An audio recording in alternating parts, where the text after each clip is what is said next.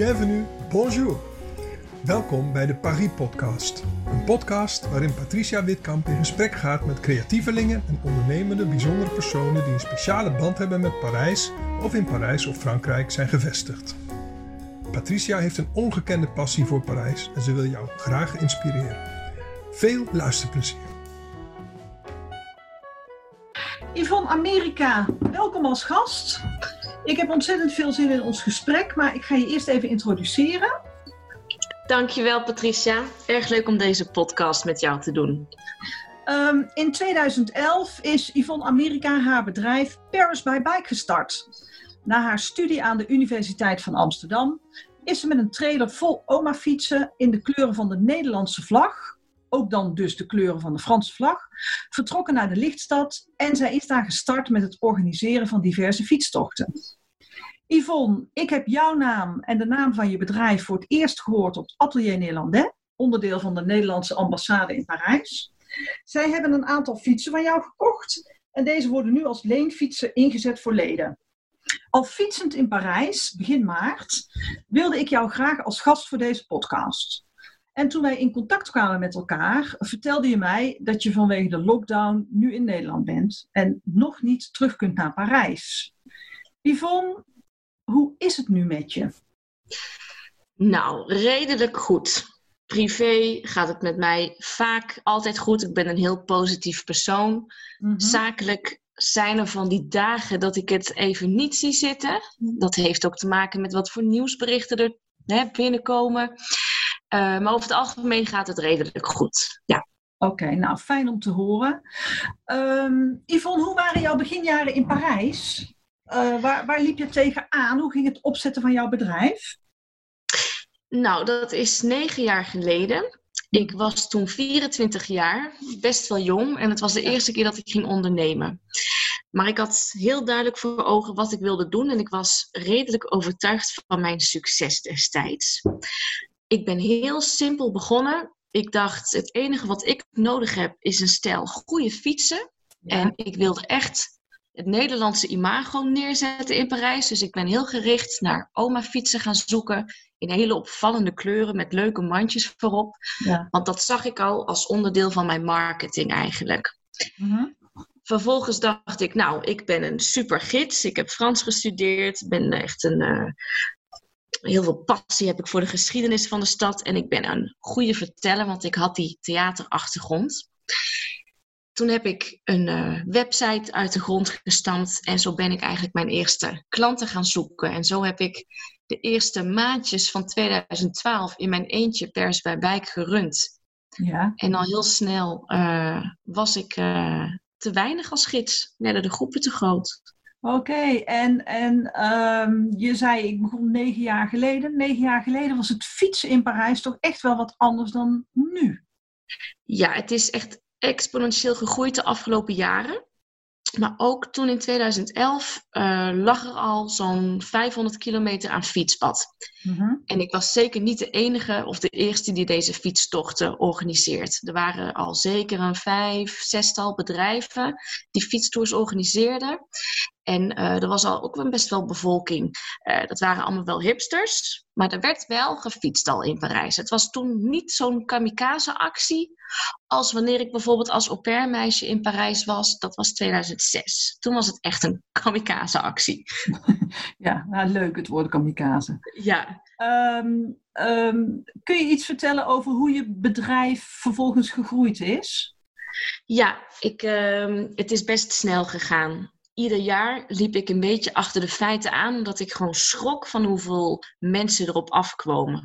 En dat meetmoment was vaak in de meivakantie. Dat is eigenlijk de drukste week van het jaar. En ieder jaar dacht ik weer. Oh shit, ik heb te weinig gidsen. Ik heb te weinig tijd om alle boekingen te doen. Dus het ging heel hard. Dus ik ben toen begonnen met het aannemen van gidsen. Ja. En uh, door de jaren heen, ik zeg de afgelopen drie jaar, ben ik zelf minder gaan fietsen. Want ik had echt mijn handen vol aan het runnen van het hele bedrijf. En ben ik eigenlijk meer de manager, degene die op de voorgrond staat voor alle communicatie, de logistiek, de planning. En ik stuur zo uh, in het hoogseizoen acht à negen gidsen aan. En door de jaren heen zijn we ook steeds meer routes gaan fietsen. Dus Ja. die highlight tour, die verkoopt altijd fijn mensen die voor de eerste keer in de stad zijn. Maar er werd heel veel gevraagd naar alternatieve routes. Misschien route met lekker eten of met fashion. eh lichtjestoer in de avond. Dus we zijn ons aanbod zo door de jaren heen heel erg gaan verruimen. Ja. Eh, kun je iets vertellen over je aanbod? Fiets je ook met Ja. kinderen bijvoorbeeld? Oh, absoluut. Dat is eh, onze unique selling point. We hebben na een aantal jaar uh, merkte ik dat er heel veel gezinnen op ons afkwamen. We hadden toen kleine fietsjes en kinderzitjes. En we namen al die gezinnen met kinderen mee op onze standaard highlight tour. Mhm. Waarop ik op een gegeven moment merkte: oeh, dit is heel lastig. Een kind van vijf de Franse Revolutie uitleggen, terwijl er ook een seniorenkoppel naast staat die al heel veel weet. Toen heb ik besloten in 2014 of 15 om te zeggen: Weet je wat, we gaan een aparte familietour aanbieden, de Kids Tour. En dat is en blijft ons succesvolste product eigenlijk. Ja, want hoe, hoe ervaren kinderen het fietsen in Parijs? Ze vinden het helemaal te gek. Um, ze zijn vaak al helemaal uh, blij gemaakt. Vaak door een vriendje of vriendinnetje. Want ja. hoe het bij ons gaat, is het is eigenlijk bijna alleen maar mond-op-mond -mond reclame. Zeker bij gezinnen met jonge kinderen. Dat gaat via de hockeyclub of het schoolplein. Als je naar Parijs gaat, oh, dan moet je met Yvonne fietsen. Dus de uh, verwachting ligt hoog. Mm -hmm. Ze kunnen in het begin van de tour een beetje verlegen zijn of voorzichtig.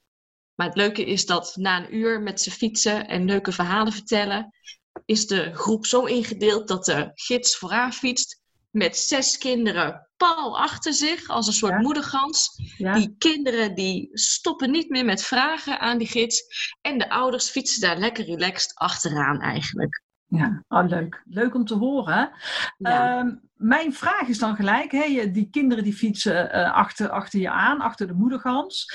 Maar ja. je verzorgt ook scholentours. Um, die pubers, dragen die zich net zo? Nou, dat was ook altijd mijn angst. En iedere keer opnieuw weer van, oh help, 60 HAVO 4 leerlingen. Ja. Ik ben docent Frans geweest en ik weet ja. hoe lastig ze kunnen zijn. En iedere keer valt het ons toch weer reuze mee. En zijn we zelfs blij verrast over hoe die leerlingen zich eigenlijk heel leuk gedragen. Ik denk dat het te maken heeft met het feit dat ze toch wel een beetje geïmponeerd zijn door een nieuwe stad, door het verkeer. Dus dat ze zich redelijk uh, rustig gedragen. En um, ik denk dat we vaak als gidsen last hebben van het stoffige imago. Hè? Ja. Ik als puber van 16 wil absoluut niet een Frans kerkje met een gids gaan bezoeken. Mm-hmm. Dus die kinderen zijn misschien een beetje, ja, hebben er misschien niet zo'n zin in op de voorhand. Maar na een half uurtje, uurtje hebben ze in de gaten dat wij hele jonge, hippe, gezellige gidsen zijn. Dat we ons meer als locals willen presenteren. En dat we hele fijne verhalen hebben die bij hun leeftijd hoort. Dus na een uurtje zijn ze om.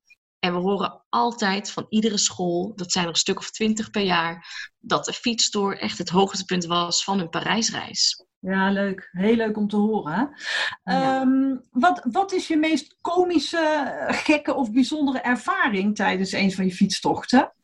Nou, dan kun je meteen bij die scholieren terugkomen. Ik kan me heel goed herinneren, dat was een school, een 3 VMBO-klas. Dat is eigenlijk erg jong, hè? 15 jaar. Dat zijn een beetje ongeleide projectielen. Mm-hmm. Een hele leuke gemengde school. En zij kwamen met ons een highlight tour fietsen. En ik had een groep met alleen maar jongens. Dan krijg ik 13 jongetjes achter me aan. En die hadden een hele grote mond, wel heel gezellig. Maar het eerste wat ze aan mij vroegen is, dan noemen ze hem ook juf of mevrouw. Oh, ja. Hoe zeg je ook alweer borsten in het Frans? Oh. Dat is toch chignon? En ik zeggen ze, nou, mm-hmm. ik zeg, ik, ging, ik ga met het grapje mee. Ja jongens, dat is een chignon. Want ze bedoelden eigenlijk nichon, dat is tieten in het Frans. Ja. Vervolgens hadden zij zin om drie uur lang tijdens deze fietstoer tegen alle leuke Parisiennes die ze op straat tegenkwamen te gaan zeggen: Bonjour mademoiselle, j'aime vos chignons. En zo hebben ze drie uur lang uh, het idee gehad dat ze tegen alle Parisiennes zeiden dat ze mooie borsten hadden. En pas aan het einde van de tour met de docenten bij hebben we verklapt dat ze zich hebben verspreekt eigenlijk. Dus het was uh, een leuke knot, een leuke haarknot in plaats van een goede voorgevel. Ja, precies. Nou, leuk. leuk ook dat je daar dan in meegaat en, en, en, en de jeugd ook lekker in die waan laat. Ja, ja. Ehm, wat is ehm, eh, voor jou lastig of een uitdaging geweest in het zaken doen uh, met Frankrijk? Hè? Want je klanten zijn voornamelijk toch de Nederlanders. Ja. Uh, wat is anders vooral aan het zaken doen in Frankrijk? Ik denk dat ik daar vooral tegenaan liep bij het starten van mijn bedrijf. Um, ik had geen ervaring nog met ondernemen. En uh, al helemaal niet in Frankrijk. Dus ik ging, toen ik me wilde gaan inschrijven, ervan uit dat ik natuurlijk een Frans bedrijf zou worden. Ja. En toen stuitte ik tegen de Franse bureaucratie, waar je niet goed van wordt af en toe. En ik kwam in een visuele cirkel terecht waarin ik me eigenlijk niet kon registreren. Want ik woonde nog niet in Parijs, dus ik had nog geen adres. Oh, dus ik kon geen KVK-registratie doen. Ja, bijvoorbeeld een KVK-registratie, zo makkie als dat is in Nederland. Dat is een kwestie van 20 minuten een kop koffie drinken en je hebt je registratienummer. Zo ingewikkeld is dat in Frankrijk. Je hebt daar bijvoorbeeld zeven verschillende kamers van koophandel. Je moet eerst gecategoriseerd worden. Misschien bestaat jouw categorie wel helemaal niet. Gaan ze dat eerst aanmaken? En al die tijd zie je dat het toeristenseizoen begint. Je staat klaar om uh, je bedrijf te starten, maar bureaucratisch en administratief is het niet rond. En um, dat soort dingen vind ik heel lastig in Frankrijk. Ze, ze zitten heel erg vast in hun eigen regels. En bijvoorbeeld ook met het zoeken van een goede locatie voor mijn fietsen. Ja. Merkte ik dat Franse overheid, gemeentes alleen maar kunnen nadenken in uh, restricties. Dus als ik vraag, hey gemeente van het derde arrondissement, jullie hebben een prachtig gebouw. Uh, ik zie dat jullie een heel mooi fietsenrek hebben bij dit gebouw. Is het een idee dat ik hier als jonge startende ondernemer vanuit jullie arrondissement groene, ecologische, duurzame fietstours opzet. Mag ik mijn twaalf fietsen hier neerzetten? Ja. Nou, dan kreeg ik echt alsof ik uh, gek was. Non, c'est pas possible. Ze kijken nooit verder naar mogelijkheden die misschien wel mogelijk zijn. Het staat nergens in een boekje met regels hè, dat het mag, maar het staat ook nergens dat het niet mag. Maar ze denken totaal niet mee. Ja, en, en hoe heb je dat opgelost? Want waar zit je dan nu precies in Parijs uh, met je bedrijf? Ja, wat ik heb gedaan, ik heb echt uh, wekenlang gezocht naar een locatie. Hè? Een autoparking onder de grond ben ik gaan vragen.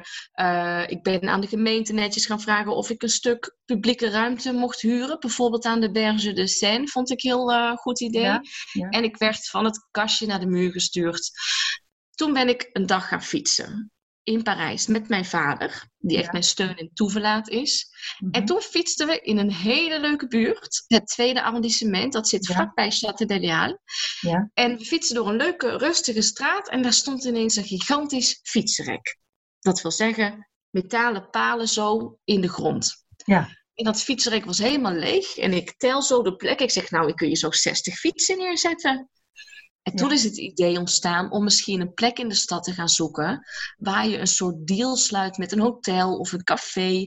Dat je zegt, hé hey joh, ik zet mijn fietsen bij jou voor de deur. Ik spreek met de klant in jouw café af voor een kop koffie. En hè, dit wordt een beetje mijn uh, afspreekpunt voor een tourvertrek. Ja. En dat werd een nieuwe zoektocht. En uiteindelijk ben ik toch op datzelfde fietsenrek teruggekomen. Omdat het een ja prachtwijk is, heel centraal, voetgangersgebied, een superleuke lokale kroeg aan de overkant. Ik heb ze gewoon neergezet. Ik heb de gemeente gebeld, gemaild, ik ben langs geweest. Mag ik alsjeblieft de vergunning voor deze plek? Ik wil er graag voor betalen. Maar ze hebben mij destijds nooit fatsoenlijk geantwoord op uh, weggewijs. Dus ik uh, heb de fietsen neergezet. Ik dacht, ik hoor wel van ze als er een probleem is. En ondertussen is het 2020 en staan we daar al negen jaar lang. Eigenlijk gedoogbeleid op de Franse manier. Oh, super. En, en, en voor de kenners in Parijs, waar sta je ongeveer? Ja, het is eigenlijk in een straatje die vroeger best wel berucht was. De Rue Saint-Denis. Daar mm -hmm. kruisen we op met onze Rue Grenetta. En die Rue Saint-Denis, dat is een hele leuke ontwikkeling geweest. Dat was echt een hele beruchte slechte buurt tot uh, 10, 15 jaar geleden. Het is namelijk de alleroudste hoerenstraat van Parijs. En dan heb ik het echt al sinds de 13e, 14e eeuw. En dat merk je nog steeds. Het is een straatje waar eigenlijk de oude hoeren, letterlijk en figuurlijk nog staan. Dat zijn Françaises van boven de 65, ieder op hun eigen uh, plekje op de stoep. En ondertussen is het heel erg aan het verhippen. Al die wijken hebben een ontwikkeling doorgemaakt. Dus het is een uh, combinatie van arbeiders, hoeren en hippe hamburgerzaakjes waar wij dan tussen staan. Nou, leuk. Ja, en ik, uh, uh, ik, ik ken het stukje uh, waar je over spreekt. maar ik wil wel zeggen dat um, het is heel toegankelijk. Je voelt je er ook absoluut veilig. Ja. ja, we hebben wel eens nare situaties gehad dat is eigenlijk wel grappig hoe dat ging. Hè. In het begin, dat eerste jaar of de eerste weken dat mijn fietsen daar stonden, vond ik het doodeng. Want ze stonden natuurlijk buiten. En ik zag wel dat er veel werd gehangen in die wijk. Hè. Grote groepen met van die Algerijnse jongens. En ik kreeg daar een beetje een onheimisch gevoel bij. Die jongens gingen bijvoorbeeld ook blootjes zitten roken. En die zitten dan op de bagagedrager van mijn fiets. Ik dacht, oh help, ik wil geen ruzie of geen problemen krijgen met die jongens. En ik heb ze er een keer op aangesproken van, wil u alsjeblieft niet op die fietsen zitten, dan gaan ze kapot van. En uiteindelijk zijn die ja, nare gastjes, die dealertjes, onze grootste vrienden geworden. En zitten we een beetje in het hol van de leeuw. Want zij zeggen nu, Yvonne, als ze aan jouw fietsen komen, komen ze aan ons. Ja. Dus we hebben een heel erg beschermend gevoel gekregen in die wijk. Alle buren kennen ons. Die laten ook met hun kleintjes, hè, jongetjes van vier, die bij ons even mogen leren fietsen. Er is een hele leuke lokale band ontstaan.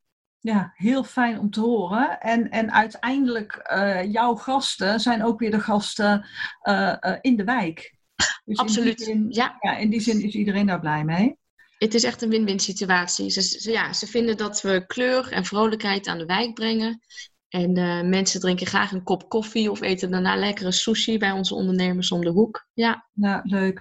Um, Yvonne, hoe, hoe zie je je bedrijf uh, nu in deze rare tijden? En, en straks als je weer naar Parijs kunt, uh, kun je daar al een beeld bij vormen?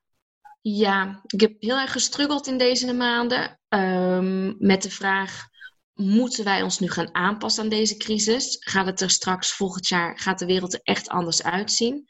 En mijn conclusie is eigenlijk nee, want Paris bij Wijk is al sinds jaren een hele duurzame manier van toerisme. Wij doen alles op de fiets. En Parijs is godzijdank een uh, wereldstad die voor Nederlanders op treinafstand is of op autoafstand. En um, kijk, we werken altijd al kleinschalig. Ook al krijgen we per jaar 6000 uh, eh, fietsers over de vloer. We doen dat allemaal in hele kleine groepjes. Dat is ook ons sterke punt. Ja. We kunnen iedereen heel veel aandacht geven. We houden groepjes klein. Dus ik denk dat Pers bij Bijk uh, toekomst heeft, ook na coronas of met coronacrisis. Um, het enige wat nu heel vervelend is, is dat dat internationale toerisme echt een paar maanden nodig heeft om weer op gang te komen. Dus ik zit even in de stress voor dit jaar. Maar ik denk wel dat wij in 2021 alle zeilen, uh, alle wind in de zeilen hebben. Zeker omdat meerdere steden, niet alleen Parijs, heel erg hun best aan het doen is om iedereen op de fiets te krijgen. Ja. Niemand wil in het OV. Dus ze zijn nu, wat in tien jaar lang niet gelukt is in Parijs, zijn ze nu in een noodtempo duizend kilometer aan fietspaden uit de grond aan het stampen. En dat is alleen maar super voor onze business. Ja, en, en, en ook de Parijzenaar zelf heeft nu ook uh, zin om op de fiets te stappen. Ja. En dat is natuurlijk dat, echt wel ja. een verandering.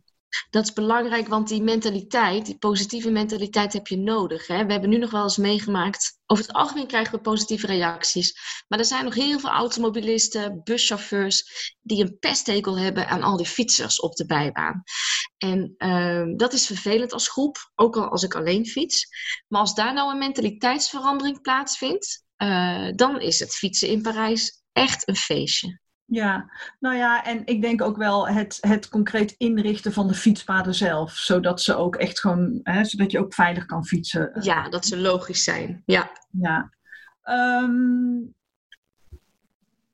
nou, dankjewel Yvonne um, voor het aangename gesprek. Wil jij, wil jij nog iets kwijt over je bedrijf? Of, of wil je nog een tip delen met, uh, met de luisteraars? Ja, wat wij, wat wij gisteren hebben besloten. We hebben zo even uh, moeten constateren dat we de komende maanden echt niet open zullen gaan. Uh, we hebben wel besloten dat we in ieder geval onze oude klanten, wat een grote aanhang is, en alle mensen die geboekt hadden deze maanden, die hebben ondertussen contact met ons over de vouchers en het verzetten van de data. Maar dat we vanaf deze week uh, wel een hele leuke campagne in gang gaan zetten. Dus we gaan voor de mensen die nog naar Parijs komen, of dat nou het najaar is of volgend jaar, ja. alvast hele fijne uh, informatie geven. Dus we gaan vanuit alle gidsen uh, leuk vloggen, we gaan bloggen, we gaan leuke restaurants, cocktailbars, mooie parken delen. Ja, dat leuk. kunnen we in de vorm van een e-book gaan plakken. Dus de mensen die helaas hun weekend uh, Parijs hebben moeten uitstellen en dus ook onze fietstour, die willen we de komende maanden wel gaan verwennen met fijne inspiratie vanuit Parijs. Playlists, adresjes, leuke boekjes om met de kinderen te gaan doen. Dus uh, we zitten wat dat betreft niet stil. Nou, hartstikke leuk om te horen. Um, ik wens jou heel veel succes uh, toe, zakelijk en privé natuurlijk. En ik hoop snel dat ik jou uh, in Parijs ontmoet, uh, Yvonne. En dat ik ook met mijn gasten bij jou op de fiets kan stappen. Absoluut. En dat jij ons gewoon ter plekke live kan, kan begeleiden en voorzien van Ik kijk daar heel erg naar uit, Patricia. En dat komt zeker goed. Ja. Okay. Dankjewel, Yvonne. Dag Patricia, salut. Dankjewel voor het luisteren naar deze Paris-podcast. A bientôt!